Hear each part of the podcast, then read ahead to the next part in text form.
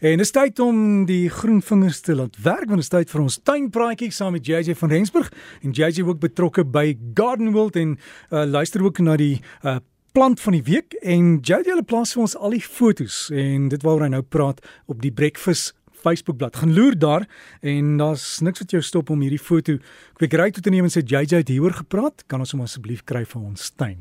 Goeiemôre JJ. Môre môre Dirk. Ja nee, vraggies jong, ons is nou almal moeg vir hierdie winter.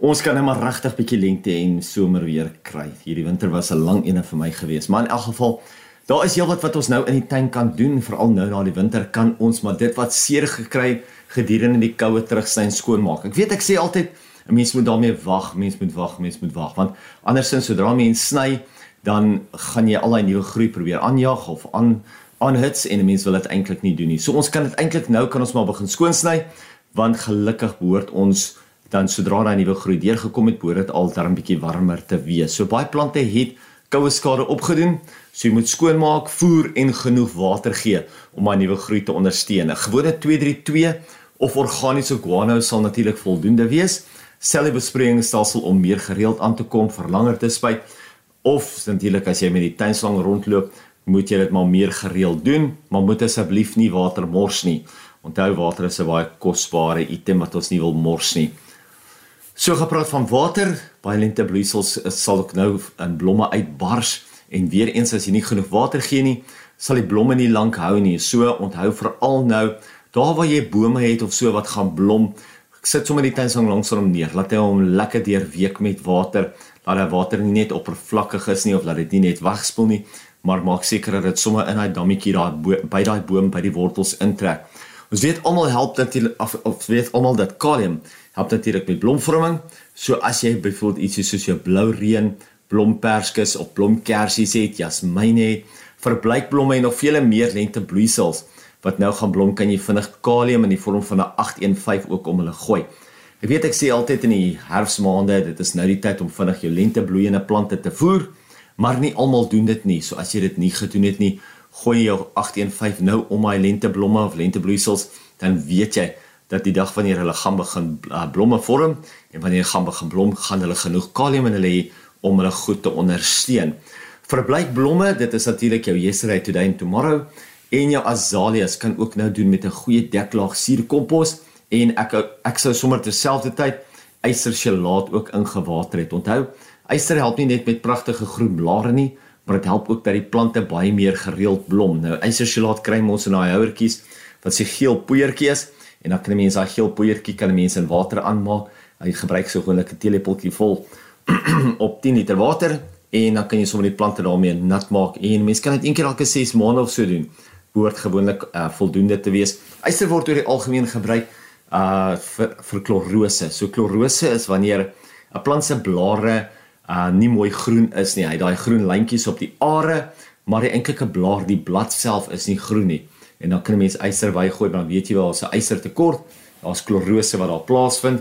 Soos eintlik amper asof 'n mens nie genoeg klorofil in die plant het nie, maar dit is nie wat ek yster doen nie. Ek dink jy aktiveer maar net die kleur en die kleur is mos ook gewoonlik dan 'n groen die klorofil wat in die plant self is. Dit is interessant hoe hoe min, min mense eintlik ook kyk na die kleur van die jaar. Nou ja, daar is 'n kleur van die jaar elke jaar en hierdie jaar se kleur is 'n sagte olyfgroen.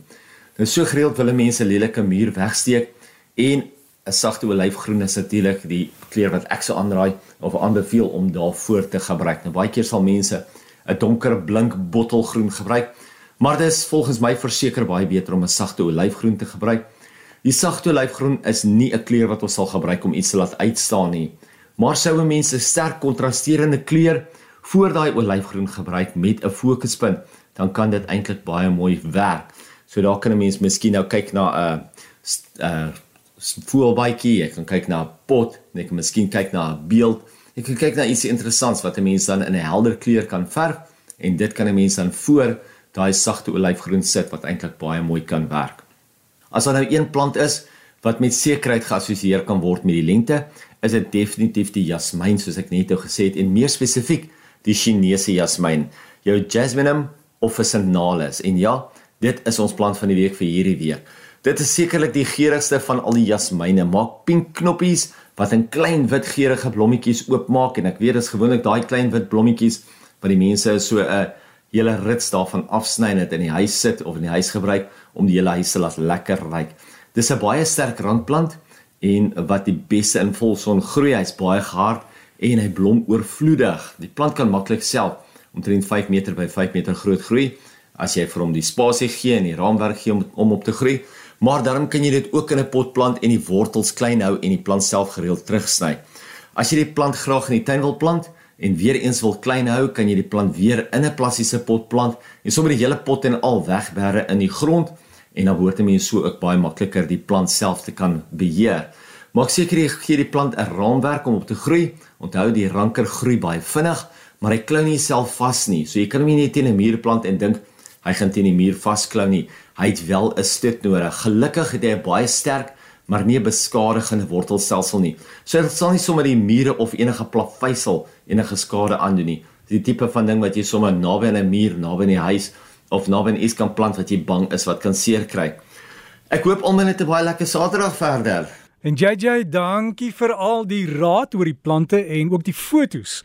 Ons het dit op die breakfastblad geplaas, so jy kan daai plant van die week daar kry. En as jy wil kontak maak met JJ, sommer daar vanaf jy sal sien daar Gardens by JJ en hy kan dan jou vrae antwoord en baie keer is daar sekere kwessies wat jy het. Jy het miskien 'n donker plek waar niks wil groei nie en hy kan dan in die algemeen sommer vir ons almal raad gee.